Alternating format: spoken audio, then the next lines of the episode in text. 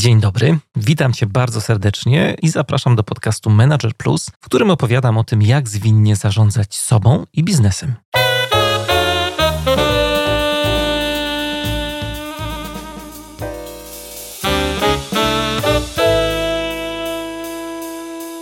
Do gabinetu psychologicznego mojego dzisiejszego gościa bardzo często trafiają osoby, które mówią: Muszę coś ze sobą zrobić, bo czuję za bardzo.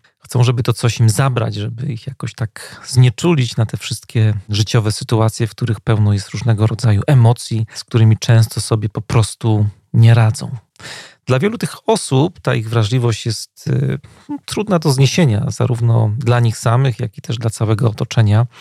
No i w zasadzie zabiera im to całą radość życia, bo takie osoby są po prostu nadwrażliwe, ciągle coś przeżywają, ciągle się czymś denerwują i nawet najmniejsze bodźce potrafią wytrącić je z równowagi. Dzisiaj w podcaście porozmawiamy sobie właśnie na ten temat. Myślę, że jest to arcyważny temat w pracy każdego lidera, bo to jest temat, który dotyczy właśnie takiej wysokiej wrażliwości. Czym jest wysoka wrażliwość, skąd się bierze, jak przejawia się w naszej codzienności, po czym ją poznać y, u siebie czy u ludzi, z którymi pracujemy w zespole, czy z tym coś się w ogóle robi, czy wysoka wrażliwość może być naszym sprzymierzeńcem, na co zwracać uwagę w zespole, jak pracować z ludźmi, którzy czują za bardzo. O tym wszystkim będziemy dzisiaj rozmawiać z moim dzisiejszym gościem. Bardzo Cię zapraszam do wysłuchania dzisiejszego odcinka.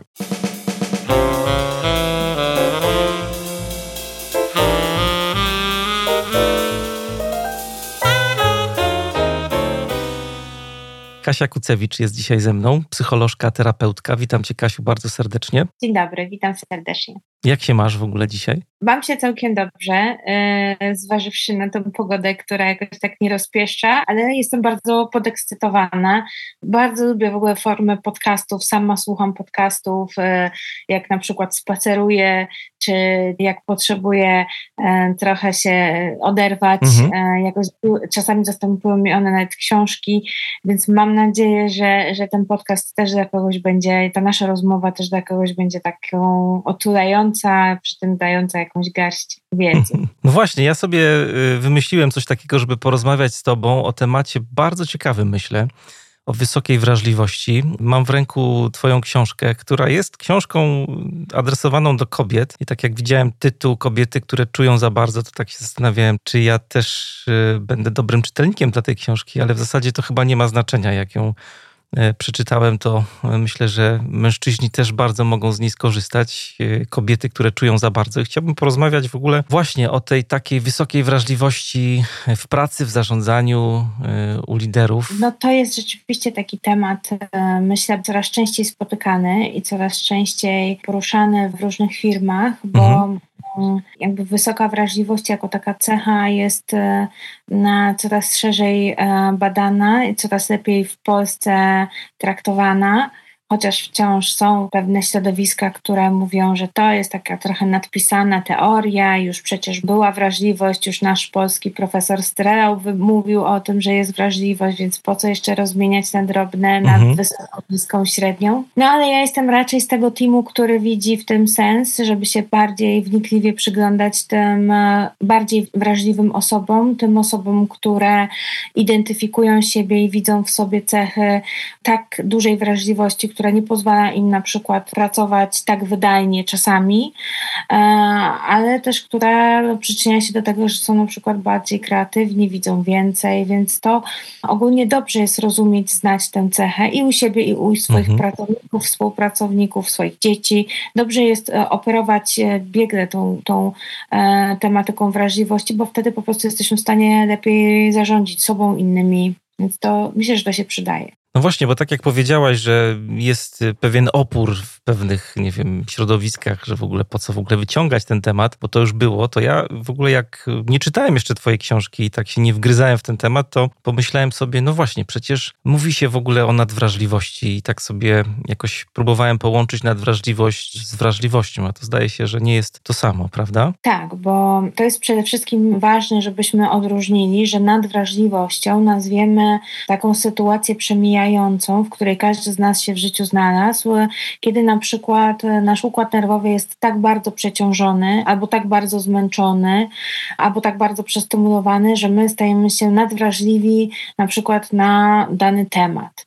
Kiedy zostajemy zwolnieni z pracy na przykład mm. i e, nagle w filmie lecą sceny, gdzie ktoś wychodzi z, z kartonowym pudełkiem, bo właśnie dostał wypowiedzenie, to my jako jako świeżo w temacie możemy poczuć się tym, e, tą sceną poruszeni, możemy na przykład zacząć płakać, możemy powiedzieć przełącz ten film, nie będę tego oglądać, ponieważ jesteśmy na, w danej sytuacji tak silnie przebodźcowani tematem, że takie sceny nas triggerują, takie sceny jeszcze nas bardziej pobudzają. Czasami jest tak, że jeżeli jesteśmy w jakiejś sytuacji, na przykład w żałobie, czy e, w trudnościach związanych z rozstaniem z kimś, albo po prostu um, na przykład zawodowo mamy jakiś gorszy moment, to poruszanie podobnych tematów może może się skończyć dla nas rozstrojem emocjonalnym, tym, że będziemy smutni, że będziemy chodzić przygnębieni i to jest nadwrażliwość nadwrażliwość jest takim nadreagowaniem w sytuacjach pozornie, czy w sytuacjach po prostu neutralnych. Ale to może minąć, jak rozumiem, tak? Dokładnie, ale to jest coś przemijającego, coś okolicznościowego, tak? Czyli w pewnym momencie życia ja tak mam po prostu, że jestem nadwrażliwa i to mi przechodzi, tak? E, to jest tak, jak każdy z nas ma, tak? Że w pewnym momencie życia nie mógł patrzeć na zdjęcie swojej ex, czy swojego ex, a potem już to się staje neutralne. A potem nawet czasami wchodzimy, tak, na Facebooka czyjegoś i myślimy, a no w sumie ładnie wyglądają, albo nieładnie ładnie i tak dalej. Nie, wtedy szukamy tych takich minusów raczej.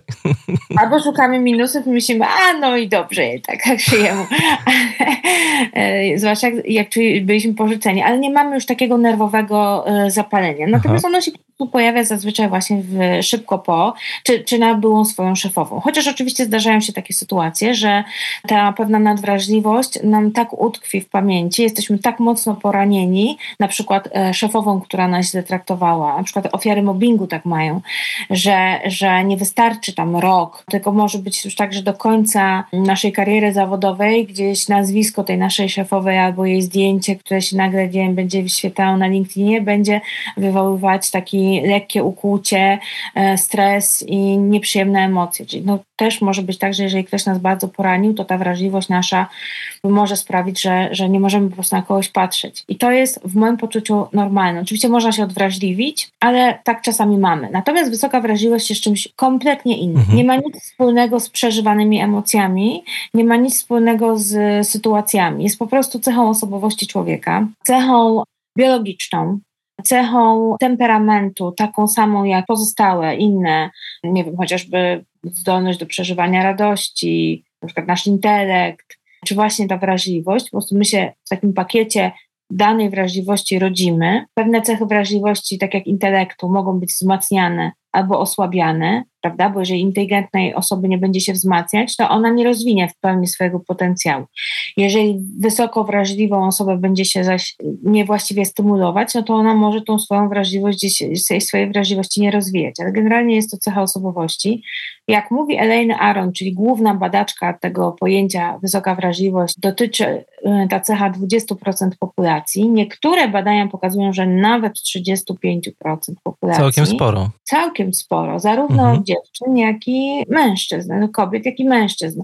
Ja napisałam książkę dedykowaną kobietom, dlatego tylko, że sama pracuję z kobietami. Zazwyczaj jak się na jakiś temat wypowiadam, to się staram znać na tym, a że rzadko kiedy pracuję z mężczyznami w takich obszarach grupowych, no to uznałam, że nie będę, że może kiedyś napiszę coś z jakimś innym mężczyzną, który będzie coś wiedział. Ale jest też trochę tak, y, ja sobie tak pomyślałem, tą książkę zareklamowałem też jako książkę dla mężczyzn, ale myślę, że obiegowo tak. jak mówimy w ogóle o takiej wysokiej wrażliwości, to gdzieś tam pewnie odruchowo e, mówimy, że to nie jest taka, taka męska jakby cecha. Mężczyzna, który już jest takim e, mężczyzną czującym za, za mocno, za bardzo, to raczej się go uznaje za takiego zniewieściałego, delikatnego, właśnie jak, e, jak dziewczyna, takiego niemęskiego. Nie? Jest coś takiego pewnie też w języku, tak. jak mówimy w ogóle o takiej wysokiej wrażliwości. Dzięki, że możemy o tym powiedzieć, bo to też jest dla mnie ważne bardzo. Ja wiem, że ja, ja tak mówię tylko dlatego, że jak mam takie poczucie, że się niedostatecznie opiekuję mężczyznami w temacie wysokiej wrażliwości, ponieważ mężczyźni wymagają, myślę, dużo wsparcia w swojej wrażliwości. Dlaczego? Dlatego, że tak jak powiedzieliśmy wcześniej, 20% populacji czy do 30% populacji zarówno kobiet, jak i mężczyzn jest wysoko wrażliwa. Natomiast społecznie Kobietom się bardziej po prostu na wrażliwość pozwala. Kobiety mogą być wrażliwe e, i nie jest to poddawane aż takiemu ostracyzmowi, chociaż też jest. I też kobiety bardzo narzekają, zaraz pewnie o tym powiemy. Natomiast mężczyzna wysoko wrażliwy ma naprawdę przechapany, mówiąc brzydko, hmm. bo musi się mierzyć z, z szeregiem stereotypów, często ataków, często musi chować tą swoją wrażliwość, musi zakładać maskę kogoś, kim w ogóle nie jest. Twardziela, e, faceta, który sobie ze wszystkim radzi, faceta, który się nie wzrusza, który, którego nic nie porusza i musi udawać, że, że się tak nie stresuje, jak się stresuje. I bardzo często jest tak, że mężczyźni przez swoją wrażliwość przestają się czuć męscy. Mają wrażenie, że wrażliwość urąga męskości że tak jak, że właśnie jest kobieca, jest dziewczyńska, więc, więc prawdziwy mężczyzna e, po prostu jak jest wrażliwy, no to albo coś jest z nim nie tak, albo jest jakiś dziwny. Czuje się z tym źle i chce to pewnie naprawić jakoś, nie? Tak, myśli jak to naprawić, albo próbuje to naprawiać e, na własną rękę, nie zawsze zdrowo. I dlatego ja e, jakby tak podkreślam, że nie pracuję z mężczyznami, dlatego że ja uważam, że mężczyźni wysoko wrażliwi potrzebują naprawdę, naprawdę dużo wsparcia, żeby móc sobie radzić z tym, co społeczeństwo im funduje. Bo ja niejednokrotnie w swoim gabinecie spotykałam mężczyzn, pracowników, ponieważ ja jakby pracuję w śródmieściu Warszawy, więc moi pacjenci, mężczyźni często to są panowie, którzy są w przerwie na lunch, przychodzą z korporacji, mają bardzo wysokie stanowiska, mają bardzo stresującą pracę, w której muszą być e, skupieni, sfokusowani, dziarscy, silni, mają e, setki ludzi pod sobą i przychodzą na przykład, żeby płakać przez godzinę. Przychodzą w głębokiej depresji, przychodzą z poczuciem, że nie chcą już żyć, że mają ochotę otworzyć okno, albo coś zrobić, żeby po prostu z niego wyskoczyć, bo właśnie jakby przeżywają tak mocno, a nie pozwalają sobie na żadne emocje. Nie pozwalają sobie na słabość, na płacz, na powiedzenie nie mam siły, nie dam rady, jestem przebodźcowany. Nierzadko próbują na przykład stłumić swoje przebodźcowanie alkoholem, narkotykami, po to, żeby nie czuć, po to, żeby się wyłączyć, bo wysoka wrażliwość to jest takie wysokie czucie. No właśnie, na czym to polega? Tak jakbyś mogła o jakichś takich przejawach pokazać tej wysokiej wrażliwości. Tak bo wrażliwy mężczyzna to nie jest tylko ten mężczyzna, który się wzrusza na przykład losem pracownika. Tylko to jest osoba, czy w ogóle osoba. To nie chodzi o to, że my się wzruszamy losem pracownika tak bardzo, chociaż też, bo, bo ludzie wysoko wrażliwi są bardzo empatyczni, to po pierwsze.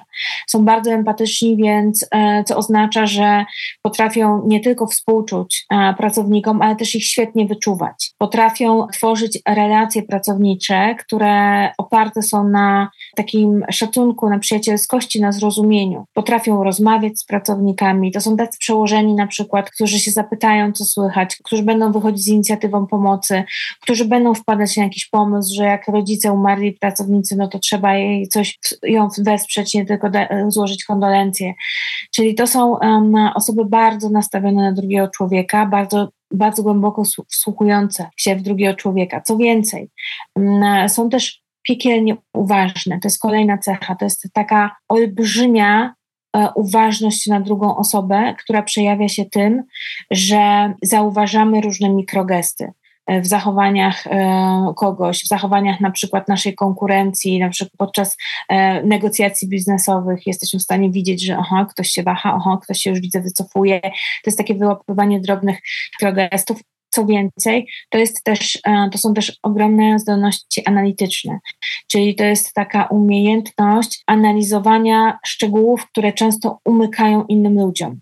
Czyli pracownik, który jest wysoko wrażliwy, to jest ten, który powiedzmy widzi tabelę w Excelu i jest w stanie bardzo szybko wyłapywać błędy, który ogląda na przykład prezentację i zauważa nieścisłości bardzo szybko, w takim wręcz ekspresowym tempie. To jest taka, taka też wnikliwość, uważność. Czasami e, ja tak się śmieję, hmm. że to są, to są te osoby, które w Louvre czy w galerii, w jakiejś innej galerii stoją pół godziny i się gapią na obraz. E, i, I my już dawno przejdziemy i powiem, no, no co tu, tu patrzeć, no Mona Lisa jak Mona Lisa, ty widziałeś 100 razy, a osoba będzie stała i kontemplowała. To są osoby, które jak słuchają muzyki, to nie tak po prostu posłucham radia, wysiadam z samochodu już, tylko to są osoby, które mówią, poczekam, muszę do końca posłuchać utworu, jest jakie to jest głębokie, które potrafią na przykład płakać, nie tylko na filmach, ale też na przykład słysząc muzykę, albo czytając, słuchając podcastu na przykład, czy, czy jakiejś opowieści. Także to są osoby, które bardzo analizują, bardzo przetwarzają głęboko.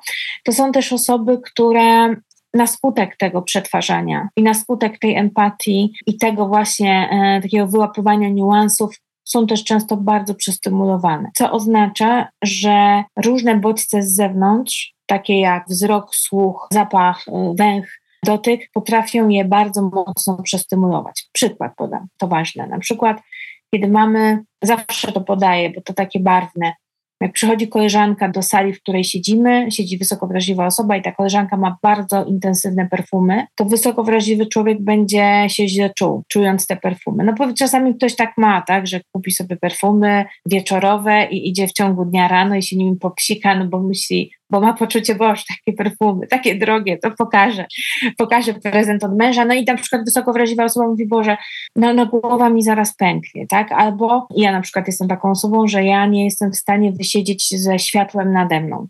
Takie sklepy jak drogerie, te takie popularne drogerie są dla mnie miejscem tortur ze względu na tak rażące światło, ponieważ mój e, układ nerwowy, bo to o to chodzi, że układ nerwowy nie jest w stanie jakby tego światła tak przetworzyć, od razu zaczęłam się źle czuć, robi się nerwowa, robi się rozdygotana. I w takich warunkach przebodźcowania ja nie jestem w stanie, mówię tak ja, ale to, to żebyście Państwo się zidentyfikowali. I człowiek, który jest tak przestymulowany na przykład w tej drogerii, no nie jest w stanie stać i się patrzeć, kontemplować plakatu na przykład przez pół godziny, ponieważ te bodźce są za intensywne, tak? Czy na przykład stać w tym luwrze, o którym mówiłam, ponieważ tłum jest za duży. Tak? I tłum jest, na przykład, jeżeli tłum jest wielki, no to osoba traci tą swoją zdolność do analizy, traci tą swoją zdolność do takiego e, skupiania się na szczegółach. To jest o tyle ważne, że, przepraszam, że tak za ten słowotok. Za, za, za, Proszę zaraz, bardzo. Nie, nie. Skończę tylko myśl, że, że to jest o tyle ważne, że wysoko wrażliwa osoba jest super pracownikiem na przykład, jest świetna w tej analizie, w tym Excelu, ale pod warunkiem, że ma dobre warunki. Jak ma zapewnione warunki do tego, żeby jej cecha mogła spokojnie jej pomagać, to ta cecha będzie ją wspierać.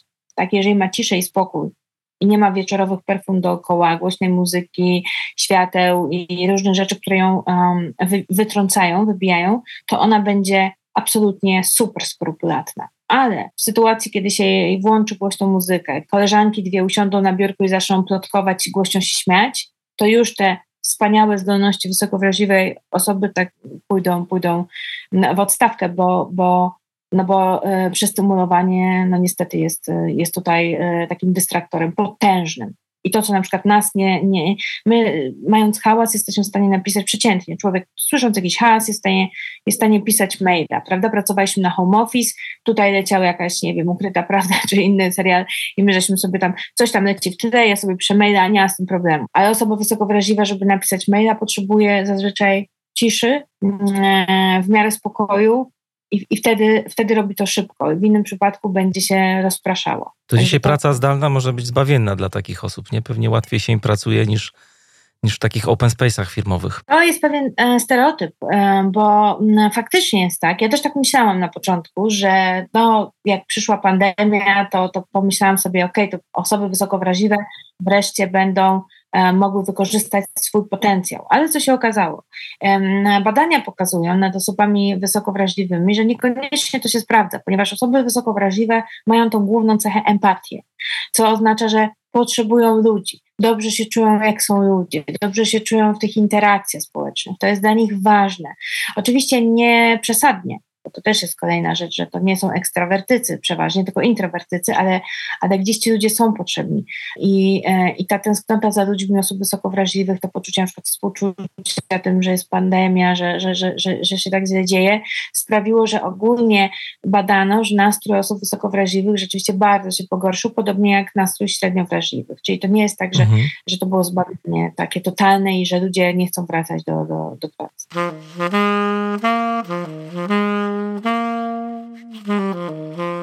Jesteś takim e, idealnym gościem podcastowym, bo odpowiedziałaś już na większość moich pytań chyba. Czasami się zdarzają takie fantastyczne osoby, że prowadzący jest tylko po to, żeby zadać pierwsze pytanie i jakoś tam zagaić. Ale mimo wszystko będę, będę walczył, będę się starał, bo, e, bo to wszystko, co powiedziałaś na początku, teraz ja ci wejdę w słowo, mhm. jest bardzo ciekawe i tak miałem taką myśl przez chwilę, jak mówiłaś o tym, że osoby wysoko wrażliwe są e, w pracy bardzo osobami empatycznymi, że są bardzo uwrażliwione na relacje, że potrafią wyczuwać nawet takie mikrogesty, że są bardzo uważne. No to pomyślałem sobie, że kurczę, no to jest, y, to są takie rzeczy, których dzisiaj szukamy w ogóle w przywództwie.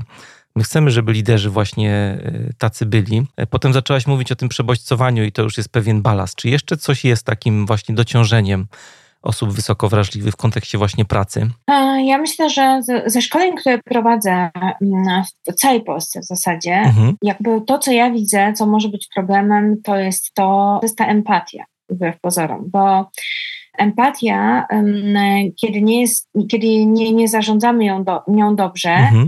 E, może sprawić, że będziemy się wikłać, nawet jako mm, menadżerowie czy jako mm, prezesi firm, będziemy się wikłać w niekoniecznie e, dobre, żeby nie powiedzieć toksyczne relacje z innymi osobami, z pracownikami, z współpracownikami, bo mam na myśli sytuację taką, że czasami przez empatię e, na przykład ludzie mają tendencję do poświęcania się na rzecz e, swojego pracownika, do jakby naruszania swoich granic, żeby jemu było dobrze, do bycia bardzo takim czułym i równocześnie zaniżania swoich wymagań, żeby patrzeć bardziej, krótko mówiąc, często jest tak, że osoby wysoko wrażliwe patrzą bardziej na kogoś niż na siebie, a to nie zawsze jest dobre, mhm. bo w zarządzaniu to się nie sprawdza bo kiedy my patrzymy wyłącznie na pracownika i ignorujemy swoje potrzeby, to ta hierarchia przestaje być właściwą hierarchią, tak? bo zaczyna być wtedy, jak w momencie, kiedy jakby pracownik dostaje nieporównywalnie większą atencję niż na przykład pracodawca i nieporównywalnie jest bardziej, jest zaopiekowany, a pracodawca nie ma nic wsparcia, nie ma nic, jakby nie mówię, że wsparcia, ale takiego nie otrzymuje też tego, czego, czego potrzebował, bo całą energię ładuje na przykład w pomoc pracownikowi, który niezbyt jest chętny, do, nie jest jakiś specjalnie wdzięczny i po prostu bierze, a, a, a, mało z siebie chce dawać, to mam na myśli, no to wiadomo, że robi się z tego problem i robią się z tego sytuacje takie już później do, do wymagające rozwiązania jakiejś interwencji. Więc czasami jest tak, że, że osoby wysoko wrażliwe są uczone tego, żeby tą empatię jakby z umiarem, to znaczy z umiarem, z pewną z rozsądkiem dozować. Żeby nie stawać się psychoterapeutą swojego pracownika, żeby nie stawać się takim superwizorem, mentorem, właśnie lekarzem duszy na bolączki pracownika, bo czasami się tak zdarzało. Słyszałam wielokrotnie takie historie, że, że ktoś mi mówi, wie pani co, no ja jestem wysoko wrażliwa, bardzo się przyjmuję losem moich pracownic i one przychodzą do mnie i traktują mnie trochę jak taką powierniczkę, przyjaciółkę, mamę, której się mogą zwierzyć i ja zawsze mówię, to, to jest bardzo niebezpieczne. To jest mhm. bardzo niebezpieczne, bo to się może skończyć tragicznie w momencie, kiedy nagle wpadniemy na, na pomysł, że z daną osobą musimy się pożegnać, tak? No jak to pożegnać się z mamą, tak? I to są, to są toksyczne, wtedy wchodzi nam taka toksyczność. I na to myślę, że trzeba zwracać uwagę, będąc wrażliwą osobą, że fajnie jest, ta empatia jest potrzebna i ja zdecydowanie nie uważam, że trzeba się w drugą stronę przerzucić na brak empatii. Uważam, że to jest passe wręcz i że, że to jest bardzo źle widziane. E, trzeba być empatycznym, trzeba być rozumiejącym, ale też równocześnie empatycznym do siebie, dbać o siebie, dbać o własne granice, dbać o własny komfort i wtedy dopiero to jest tak jak w samolocie, tak? Najpierw sobie zakładamy maskę, najpierw siebie, a później pomagamy komuś. I to jest e, zasada na całe życie, myślę, uniwersalna i też w biznesie.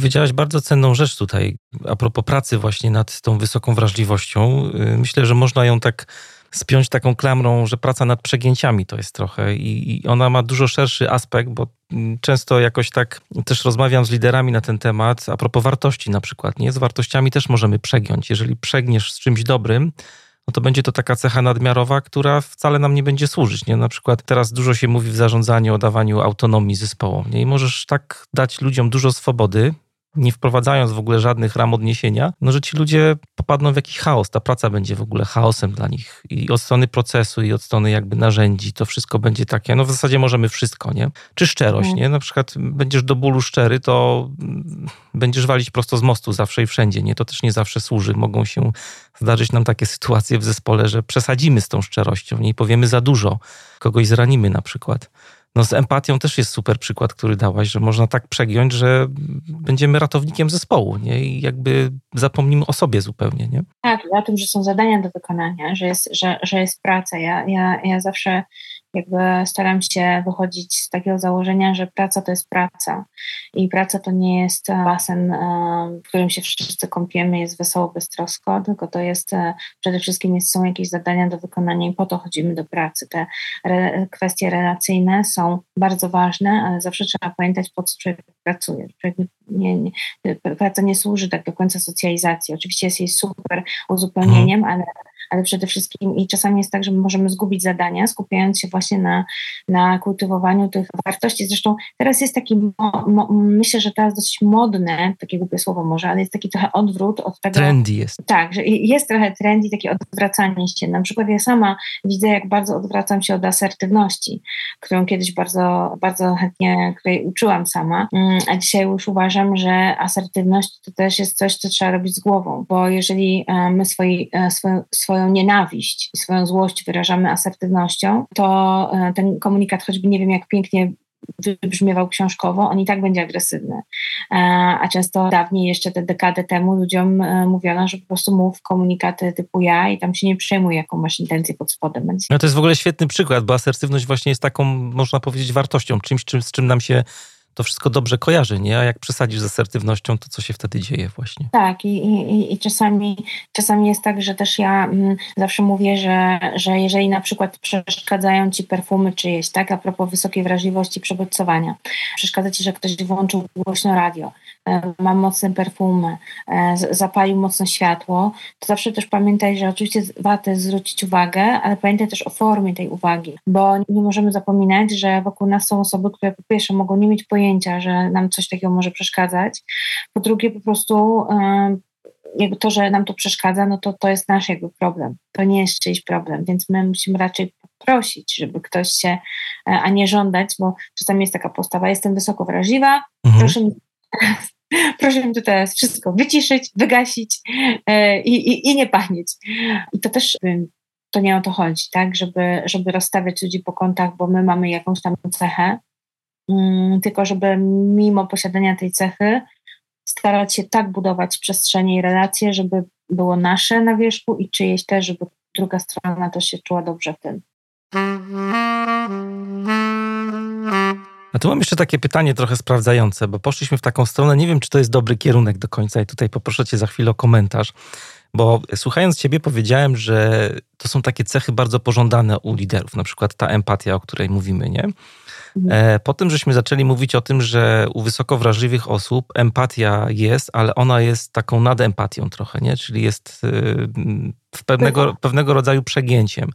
Skoro jest przegięciem, to pewnie trzeba nad tą empatią jakoś pracować. Tutaj moje pytanie, czy, czy jest tak faktycznie, że, czy możemy tak w ogóle powiedzieć, że osoby wysoko wrażliwe, czyli owu, owupowcy chyba tak się mówi, bo używasz w książce takiego skrótu. To są osoby, które mają mnóstwo właśnie tej dobroci, tych takich dobrych cech, ale powinny nad tym pracować, bo jak nie będą pracować, no to właśnie w tym świecie jakoś zginą, przepadną.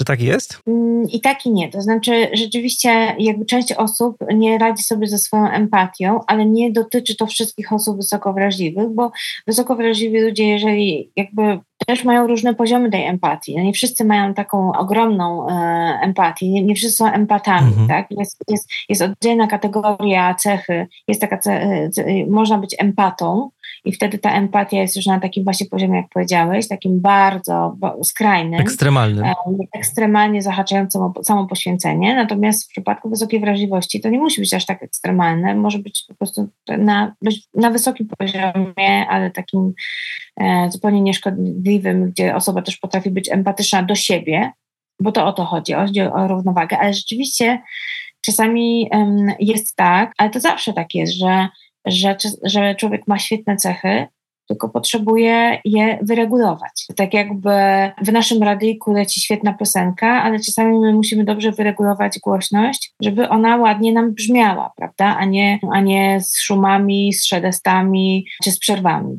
I tak samo jest z naszą, um, naszym charakterem, naszą osobowością, że my też potrzebujemy czasami pewne cechy wyregulować, które są świetne, jedne wyciszyć, drugie podgłośnić i wtedy ten obraz będzie taki, jak chcemy, kiedy wtedy będziemy jakby wykorzystywać w pełni swój potencjał.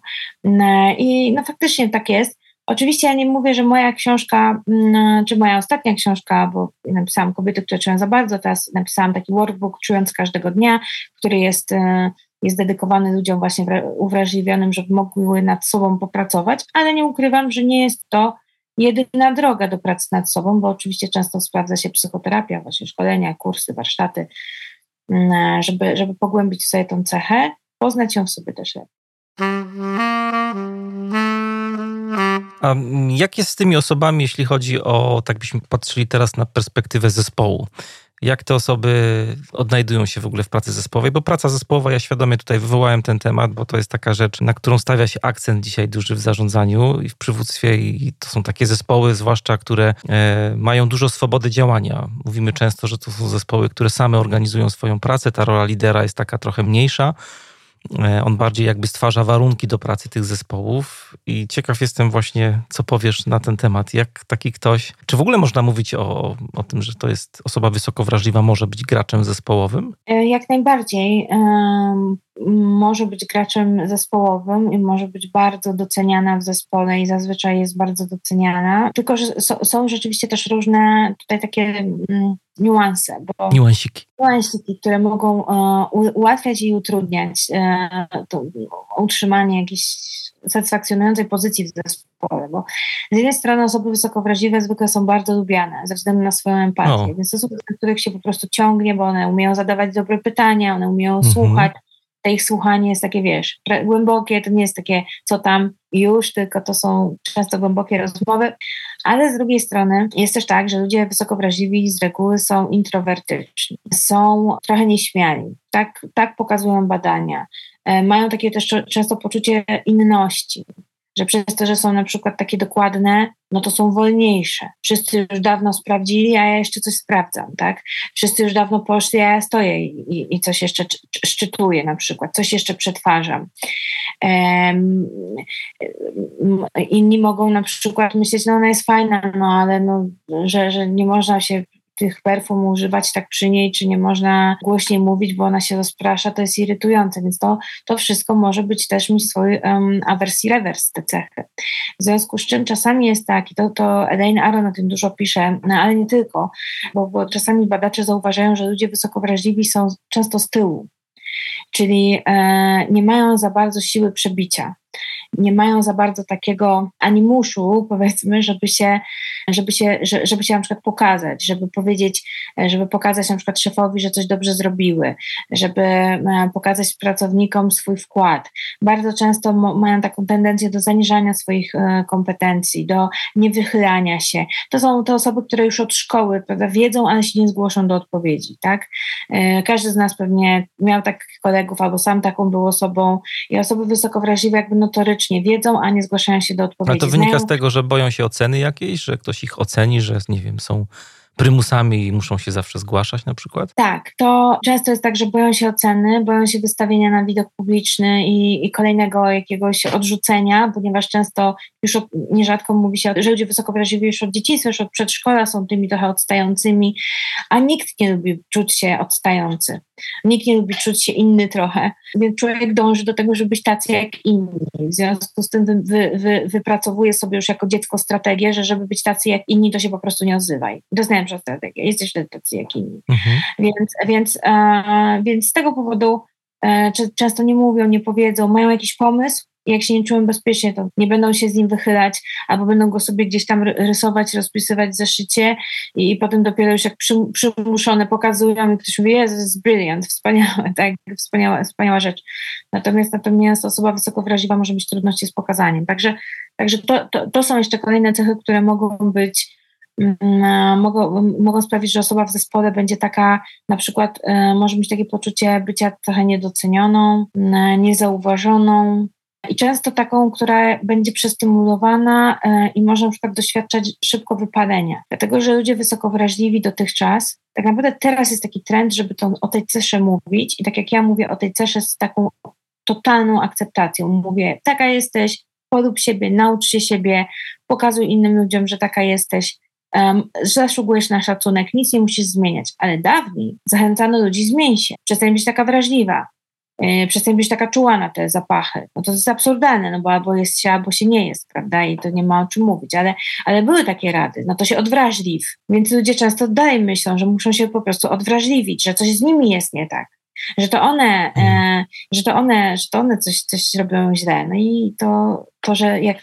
jak myśląc w ten sposób, nie pójdziesz do szefa, żeby mu powiedzieć, przepraszam, czy ja bym mogła siedzieć przy innym biurku, albo przepraszam, czy ja bym mogła sobie zapalić lampkę, a nie mieć tej górnej. Bo myślisz sobie, no nie, no nie będę się robić idiotki, tak, więc nie będę nie będę prosić, żebyś ściszył radio, bo... Z drugiej strony ciekawa może być reakcja też szefa, nie? No bo przychodzi ktoś taki, ty mówiłaś o tym poczuciu wyjątkowości, to sobie może pomyśleć, no kurczę, no mam do czynienia z jakimś narcyzem tutaj, tak. y, który poczuje się, czuje się, że jest wyjątkowy, taki inny, odstający od wszystkich, wyżej gdzieś jest pewnie niż ten mój zespół. No, może tak pomyśleć. Yy, Ale to chociaż... nie jest narcyzm, nie? To nie jest żadna odmiana narcyzmu. OWP. Nie. nie. Nie. nie. Tak się chciałam nie, upewnić tylko. Nie, to, to, to jest w ogóle jakiś kolejny krzywdzący, dla mnie bardzo krzywdzący stereotyp, bo ludzie wysoko wrażliwi daleko są, stoją od narcyzmu. Nie wiem skąd to się wzięło, znaczy zaraz może powiem, mam podejrzenie skąd, ale, ale nie, ludzie wysoko wrażliwi zazwyczaj wręcz przeciwnie, jakby absolutnie e, starają się robić wszystko, żeby się nie rzucać w oczy, starają się naprawdę robić wszystko, żeby innym nie przeszkadzać, żeby nie zawracać głowy. E, i prędzej będą właśnie trzymały się z tyłu i, i, i cierpiały katusze, albo zwolnią się prędzej, często, często ja słyszę, że prędzej ktoś mówi zwolnię się z pracy niż e, powiem szefowi, że coś mi się nie podoba, raczej w tą stronę. Rzadko kiedy ktoś przychodzi i mówi, sorry, jestem wysoko wrażliwa, proszę tutaj się mną obnosić jak, z, y, obchodzić jak z jajkiem. Czyli wchodzenie w jakieś konflikty w zespole na przykład, albo nie wiem, otwarte takie mówienie o tym, co mi się nie podoba, y, wyrażanie swojego zdania, to nie są te osoby, tak? Nie, to, raczej mhm. nie są to osoby, które będą szarpać się o, y, o swoje prawa, niestety czasami. Oczywiście chyba, że przechodzą przez terapię i terapeuta je na przykład zachęci do tego, że walcz o siebie, tak? Jakby pokaż. I spalają powiedz, wtedy że... dużo glukozy, tak, żeby to robić. Ale tak, ale, ale tak naprawdę jakby często no, ta empatia wysoko wrażliwej osoby sprawia, że ona jakby zawsze ludzie wysoko wrażliwi raczej właśnie są tacy introwertyczni, trzymający się z tyłu i tam nikomu nie chcą przeszkadzać. Natomiast zdarza się tak, że rzeczywiście, ponieważ ta teoria ostatnio jest bardzo popularna, są fora na ten temat. Ludzie jakby się bardzo identyfikują, bo ona też ma dosyć rozmyte definicje.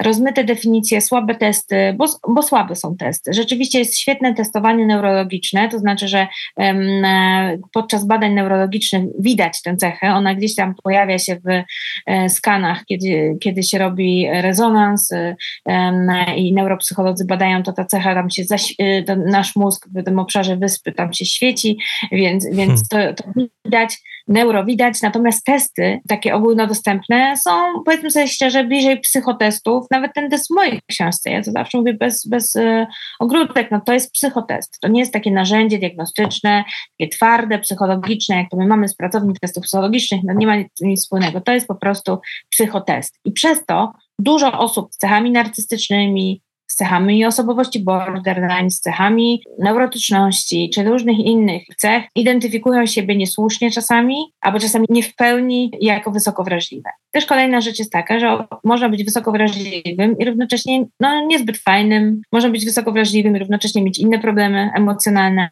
To, to nie, nie jest w kontrze, tak? Można mieć zaburzenia osobowości plus wysoką wrażliwość, depresję plus wysoką wrażliwość. Więc czasami jest tak, że może tak zdarzyć, że osoba wysoko wrażliwa, no będzie też takim pracownikiem, że będziemy myśleć, no jak, nie pasuje do cechy, bo ja to myślałem, że to są tak urocze, onieśmielone, bardzo mądre osoby, a to no nie zawsze tak jest. A tak patrząc na Twój przykład, bo mówiłaś i też opowiadasz y, w różnych wywiadach, że jesteś osobą wysoko wrażliwą, to co było podstawą do tego, żeby to stwierdzić? Jakby badania, wchodzenie w szczegóły, jakby związane z tym tematem, bo tak jak Ciebie słucham, to poza zapachami wszystkie cechy osoby wysoko wrażliwej posiadam i to tak mówię szczerze nie wiem, czy, czy mam jakoś, nie wiem, czuć się przerażony w związku z tym, że tak jest, czy nie. Niektóre mają mniejsze lub większe natężenie, na przykład z tą empatią to był bardzo dobry przykład, ale taka uważność na relacje, wchodzenie, chociażby w konflikt na przykład. Nie jestem osobą, która zawsze uważała, że takie konflikty, takie ostre konflikty, nie, takie, które mogą zniszczyć zespół, no szkoda na to energii, nie, żeby szukać raczej kompromisu. Zawsze, zawsze tak na to patrzyłem. Ale mówię, to są mhm. bardziej takie mm, słuchanie tego, co mówisz, jakby dopasowywanie tych cech. Myślę, że nasi słuchacze robią teraz e, podobnie, się zastanawiają, gdzie ja jestem, czy ja już jestem OWP, czy jeszcze nie. E, I tak dalej, i tak dalej. OWW. OWW. W takim sensie, że osoba wysoko wrażliwa. Tak, ja nie wiem, czemu, czemu mówię OWP. Wysoko wrażliwy pracownik może. Tak, wysoko wrażliwy pracownik albo HSP, czyli po angielsku. Tak? High sensitivity, tak? To jest to, jest to słowo. Tak, więc, Person. Więc, mhm. HSP. Ja, mm, to e, faktycznie jakby zdiagnozowanie u siebie, czy znalezienie u siebie cech wysokiej wrażliwości, mm, moim zdaniem to nie jest tylko kwestia zrobienia testu, tylko takiej e, głębokiej pracy nad sobą. Ja jestem psychologiem, psychoterapeutą, więc... Jest ci łatwiej. z definicji. No, tak, łatwiej, ale też mam większy dostęp pewnie i, i stale jestem w różnych procesach terapeutycznych własnych, które pozwalają mi lepiej siebie rozumieć, lepiej pracować z klientami, lepiej siebie analizować, więc mm, natomiast, natomiast oczywiście pewno pomocne jest przeczytanie różnych nie tylko książek, e, czy mojej, czy Elaine Aron, e, ale też i badań e, i różnych artykułów naukowych z całego świata na, na, na stronach poświęconych właśnie wysokiej wrażliwości. I można rzeczywiście po prostu czytając, czytając te doniesienia, E, zobaczyć te cechy wspólne. Jakby wysoka wrażliwość nie jest chorobą, więc nie musimy się jej bać. E, odpowiadając na Twoje pytanie, nie, nie, nie, nie trzeba się tego bać, nie trzeba się tym martwić, trzeba po prostu przyjąć. Tak? No, część osób ma tak, część osób ma inaczej. To nie jest dysfunkcja mózgu. To nie jest tak, dlatego moim zdaniem te testy są, nikt nad nimi specjalnie nie pracuje, ponieważ Elaine Aron od początku mówiła o tym, że nie róbmy z e, wysokiej wrażliwości choroby, nie róbmy spektrum jakiegoś wysokiej wrażliwości, że to no właśnie, coś... też chciałem o to zapytać, nie? czy to jest jednostka chorobowa? Tam, tak, to trzeba dokładnie tam zbadać, leczyć, bo tego się nie leczy, bo nie, ma, nie, nie masz jak tego leczyć, bo to jest cecha osobowości. Możesz tylko nauczyć się, le, leczenie, czyli na przykład psychoterapia polega tylko na tym, że, że mm, uczysz się po prostu z tym super żyć uczysz się, jak mieć ekstra życie, mając tą cechę, jak zwracać na nią uwagę w dniu codziennym, w codzienności. Ja też myślę, jak Ci teraz słucham, że ważne jest w tym e, jakby określeniu tej cechy osobowości to, że to jest wysoka wrażliwość. Bo ja, o ile dużo tych cech, o których opowiadasz, u siebie odnajduję, ale tak jak sobie teraz myślę na przykład o pracy nie, i słuchanie hałasów, to one nie są takie, że nie jestem w stanie nic robić. Nie? Ja myślę, że u tych osób wysoko wrażliwych, właśnie praca z kimś, jak ktoś coś robi obok, jest y, tak no, inwazyjna dla tej osoby, że nie jest w stanie napisać maila, tak jak mówisz, nie? To czegoś takiego jakby u siebie nie spotykam. Y, Ale to nie wyklucza się z kręgu osób wysoko wrażliwych, Aha. bo e, bo mm, to nie jest tak, że żeby być wysoko wrażliwą osobą, trzeba być wyczulonym na każdy zmysł. Są osoby, które każde, no to ciekawe jest. W, e, które mają każde zmysły bardzo uwrażliwione, każdy zmysł i, i um, przeszkadza bliskość, przeszkadza zapach, przeszkadza smak i, i, tak dalej. A są osoby, które mają na przykład jeden albo dwa e, zmysły bardzo mocno wrażliwe, ale na przykład w świetle się czują doskonale i to na przykład mocne światło im nie będzie przeszkadzało. Albo nie będzie im przeszkadzała głośna muzyka, albo na przykład z reguły, nawet jeżeli troszeczkę będzie przeszkadzała, to później są w stanie dosyć szybko odtajać. Bo to też jest ważne, że to nie jest tak, że osoba wysoko wrażliwa, żeby w ogóle żyć, potrzebuje mieszkać w jakimś, wiesz, y, laboratorium, w jakimś iglo, odbodźcowana, w jakimś bunkrze. Y, to w ogóle nie tak. Ludzie wysoko wrażliwi pracują tak jak inni tak jak średnio i nisko wrażliwi, w takich samych decybelach, w takich samych wielkich miastach, w takich samych e, w, e, open space'ach. Tylko, że ba, przez to, że się bardziej stymulują, na przykład ilością osób w pokoju czy w, w przestrzeni biurowej, to potem e, są bardziej, takie, mogą być na przykład po 8 godzinach spędzonych z 10 osobami w jednym pomieszczeniu, mogą być bardziej na przykład rozdrażnione, mogą być bardziej zmęczone, mogą ostatnią rzecz, którą będą chciały, to iść potem z tymi osobami na piwo, na przykład czy tam na kolację do restauracji. Potrzebują wrócić do domu, odtajać, odpocząć, 8 godzin snu, trochę w samotności posiedzieć, poczytać, zregenerować się. A osoba niskowrażliwa może na przykład po 8 godzinach ciężkiej pracy z tym samym zespołem albo z jeszcze większą grupą ludzi iść na przykład na imprezę poskakać. I to jej da w hałas, yy, tłum, to daje jej poczucie, uff, odpoczyłam po ciężkim dniu. A to jest dla osoby wysoko wrażliwej absolutnie nie ta droga do wypoczynku.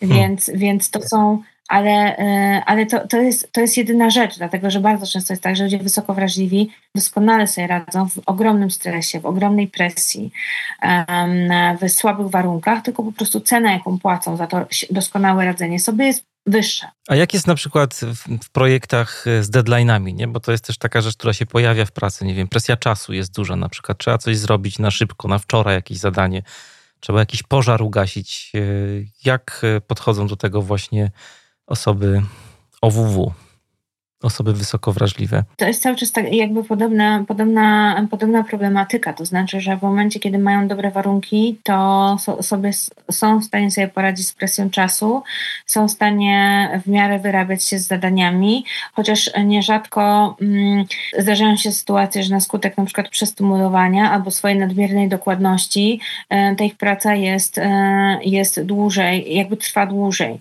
No bo jeżeli jest księgowy, który po prostu spojrzy pobieżnie podpisuje podpisuje papier, albo drugi księgowy, który naprawdę czyta i jeszcze, i trzeci księgowy wysoko wrażliwy, który nie tylko czyta, nie tylko spojrzy pobieżnie, czyta i jeszcze analizuje głęboko, mhm. no to ten trzeci będzie najwolniejszy, prawda? I, I ten pierwszy powie, no dwie sekundy mi zajęło, a tamten drugi powie dwie godziny. I, e, I oczywiście i czasami jest tak, że na przykład ten trzeci pracownik może dostać później jakby taką uwagę, sugestię, feedback od swojego przełożonego, słuchaj, no ale fajnie jakbyś coś robił szybciej.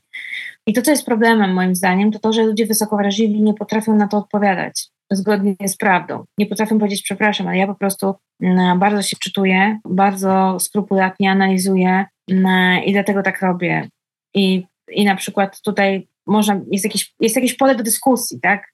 Szef powie na to, no to może tak nie analizuj, to, to już zaufaj mi, że ja to przeczytałem, czy coś tam, że ja się na to zgadzam, a może coś, a może na przykład szef wtedy doceni, powie, okej, okay, rozumiem, czyli ty naprawdę to myślisz nad tym. To jest jakaś płaszczyzna do rozmowy. Jeżeli nie ma tej rozmowy, bo my się wstydzimy powiedzieć, dlaczego tak wolno, tylko mówimy, o Jezu, przepraszam, to tak, jesteśmy cali zdenerwowani, Boże, przepraszam, to ja już będę szybciej, no to to już jest presja, tak, i takie niezrozumienie i, i to może generować dużo, dużo stresu.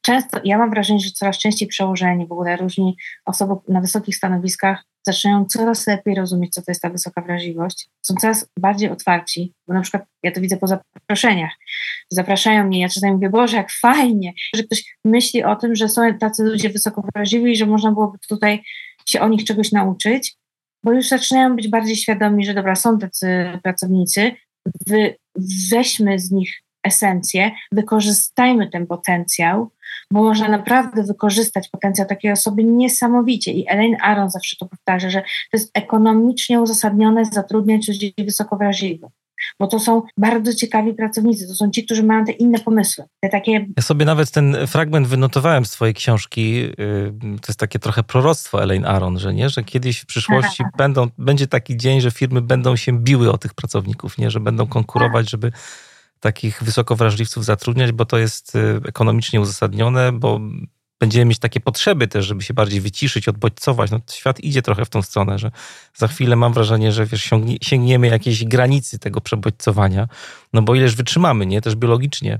Tak, ale też e, jakby taka ogólnie neuroróżnorodność w środowisku pracy jest bardzo ciekawa pod kątem właśnie kreatywności pracowników, tak, że, że czasami ten sposób myślenia ludzi wysoko wrażliwych jest daleko taki, taki gdzieś tam jest bywa często taki niesztampowy, przez to, że one trochę głębiej przetwarzają, że, że są takie, że bywają, bo też nie wszyscy oczywiście, ale, ale bywają właśnie dosyć oryginalni w swoich pomysłach, no przez to, że, że patrzą czasami trochę inaczej na, czy doświadczają bodźców trochę inaczej niż przeciętny człowiek, to mogą wpadać na pomysły inne. Nie znaczy, że zawsze genialne, bo ja jestem daleka od stwierdzenia, że, ale wiem, że no i, i, i to jest taki zarzut wysoko wrażliwym osobom, ja jestem daleka od takiego gloryfikowania wysokiej wrażliwości jako nadrzędnej cechy, że to są no tak, najlepsi tak w ogóle, w ogóle, a czasami jest taka narracja i to się zarzuca Elaine Aron, twórczyni, że ona tak trochę mówi, no my, my wysoko wrażliwi jesteśmy trochę, no, trochę lepsi niż inni, ale, no, ale patrzymy z empatią na tych słabych ludzi. Yy, trochę można tak zrozumieć. Ja to co prawda tak nie rozumiem, ale, ale są takie zarzuty, no ale to nie jest oczywiście prawda, tak, bo, bo to są po prostu troszeczkę inne cechy ciekawe, myślę, ale one super się uzupełniają i tak samo społeczeństwu są potrzebne średnio wrażliwe osoby, nisko wrażliwe osoby też są potrzebne i te wysoko wrażliwe osoby, więc, więc myślę, że my razem e, tworzymy cudowne kombo ludzkości, ale nie jest tak, że, że, że ktoś tu jest lepszy.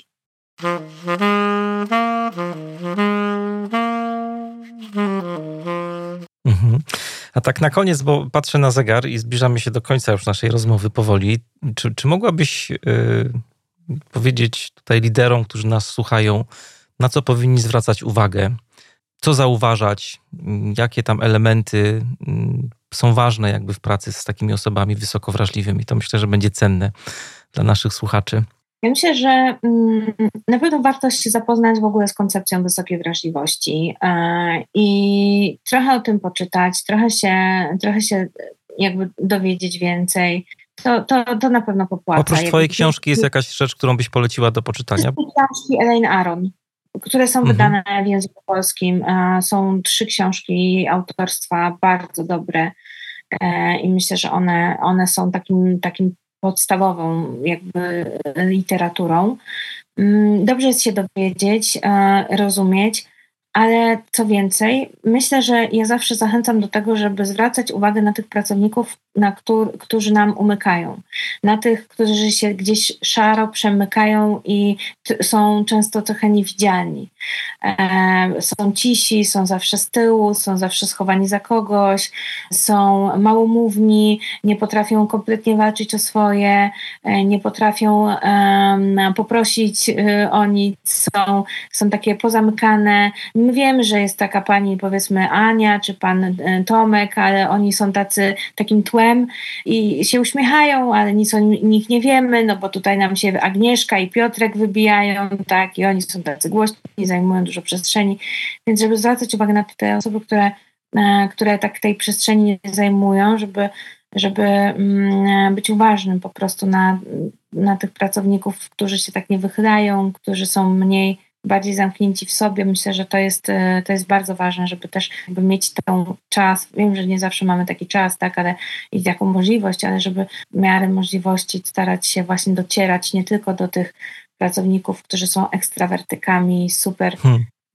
przodu i nie da się ich nie zapamiętać. E, chociaż tak, ci ludzie też są wysoko wrażliwi, ale to tak już na inną rozmowę. A, ale... ale tutaj polecam, polecam balladę o dwóch koniach Wojciecha Młynarskiego. Tam jest w ogóle cała e, prawda o tym, o czym mówisz, bo ten taki pyskaty koń właśnie czasami e, może powodować właśnie, że ten szef z bacikiem w ogóle go jakby no, omija po drodze, nie? a wszystko wpływa na te biedne osoby, które nic nie mówią na tego słabszego konika w zaprzęgu. Tak, dokładnie. Czyli budowanie świadomości to jest jedna rzecz, a druga rzecz bardzo cenna, myślę, dzisiaj, to jest taka uważność na ludzi, ale też e, uważność na relacje, bo my dużo mówimy o uważności. Zresztą niedawno też rozmawiałem na temat uważności, ale ciekawym aspektem w ogóle e, tego całego ruchu mindfulness jest e, też, zresztą z tego co pamiętam, nawiązywałaś też do książki Paula Gilberta, Uważne współczucie jakby dostrzeganie, y, zauważanie relacji, nie? czyli w ogóle uważność w relacjach, nie tylko uważność na samego siebie, ale też właśnie uważność, którą możecie jako liderzy właśnie dostrzegać w relacjach i zauważać relacje i tą neuroróżnorodność w tych relacjach, która tam jest. Kasiu, bardzo dziękuję za dzisiaj, za wszystko, co powiedziałaś o tym ciekawym temacie, o osobach wysoko wrażliwych i mam nadzieję, że to było też otwierające doświadczenie dla naszych słuchaczy bo no, dla mnie na pewno było i myślę, że to jest taki temat, który y, warto też o nim mówić, tak jak powiedziałaś, dlatego też Bardzo mi zależało na tym, żebyśmy porozmawiali tutaj wśród słuchaczy, którzy zarządzają ludźmi, którzy są liderami, ale też członkami zespołów projektowych niejednokrotnie. Ogromne dzięki za dzisiaj. Bardzo dziękuję. Dziękuję za zaproszenie. Halo, halo, jesteś tam jeszcze? Mam nadzieję, że tak. Y, bardzo dziękuję wszystkim patronkom, patronom podcastu Manager Plus. Y, dziękuję tym wszystkim osobom, które są ze mną od początku. Dziękuję tym, którzy odnowili subskrypcję, którzy podwyższyli ją. Y, no i dziękuję też tym, którzy dołączyli mm, ostatnio. A jeżeli podobała Ci się dzisiejsza audycja, czy w ogóle to, co robię w podcaście Manager Plus, to serdecznie zapraszam Cię do wsparcia na Patronite. Ostatnio zaktualizowaliśmy odrobinę progi.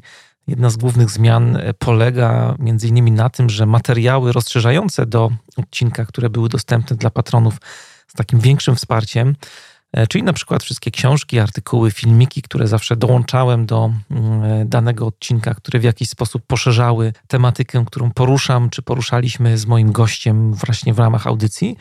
E, to te materiały są od teraz dostępne już w progu za 10 zł. Kiedy uzgadniałem z wybranymi patronami właśnie te zmiany, to wśród maili, które otrzymałem, był e, mail następujący. Szczerze mówiąc, słabo się interesowałem jakimikolwiek bonusami w momencie decyzji o wsparciu, jak i do tej pory słabo się interesuję. Największym bonusem jest dla mnie możliwość słuchania tego, co robisz, najlepiej na świecie, czyli Twoich podcastów. Skoro mogę płacić za telewizję, której praktycznie nie oglądam, czy inne abonamenty, to dlaczego nie mogłabym płacić za coś, co słucham regularnie i mocno z tego korzystam? Bardzo mm, dziękuję za e, tę wiadomość. Dziękuję Wam za to, co robicie, drodzy patroni. Bez Was, jestem tego absolutnie świadomy, nie byłoby Managera Plus, a przynajmniej nie byłoby w takiej formie, w jakiej jest e, teraz. Dziękuję też przy okazji mecenasowi podcastu firmie iSolution, która jest ze mną od początku, odkąd wszedłem na Patronite. Dziękuję za regularne wsparcie i pozdrawiam e, cały zespół iSolution. Jeszcze się nie żegnamy, bo mam drugie ważne ogłoszenie. Podcast Manager Plus jest także od niedawna dostępny na YouTube. Jeżeli mm, taka forma, taki kanał Ci odpowiada, to bardzo Cię zapraszam właśnie tam. E, nie ma tam wszystkich jeszcze odcinków, bo ich montaż i przygotowanie do tego, żeby mm, te odcinki trafiły na YouTube, trochę zajmuje i myśleliśmy, że to pójdzie trochę szybciej, ale niestety.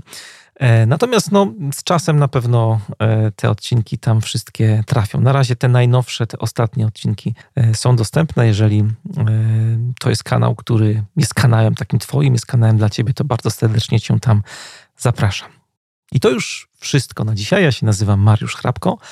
Pozdrawiam e, Was zwinnie i do usłyszenia niebawem.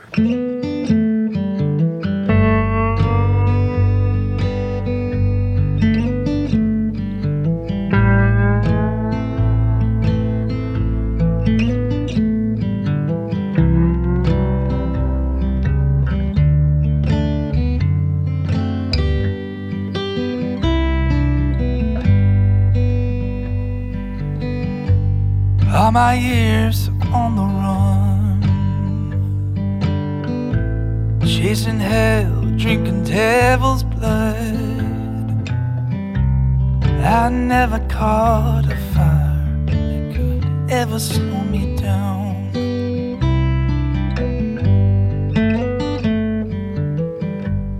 Even fighting in the war, dodging lead breaching rival doors. I never took no heat that could ever strike me down.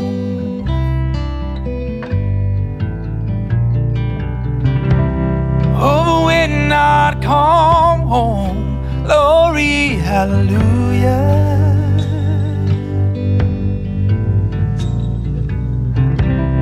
Oh, your love had a way knocking me on down.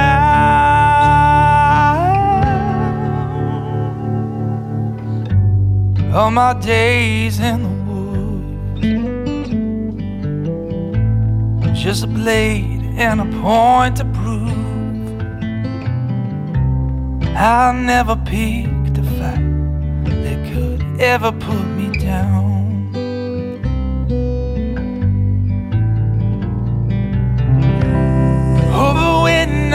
home, home. Glory, hallelujah.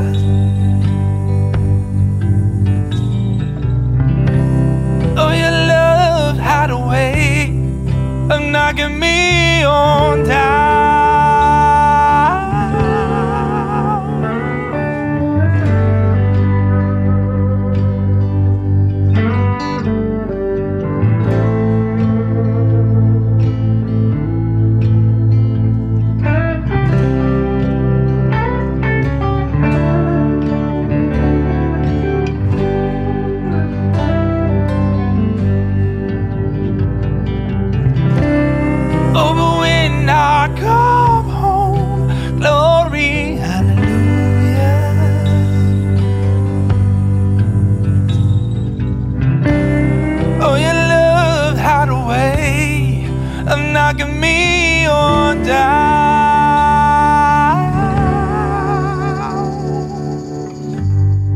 Every night held by you.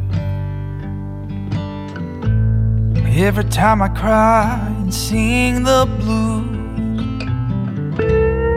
nothing else I'd rather do than be helpless in your arms.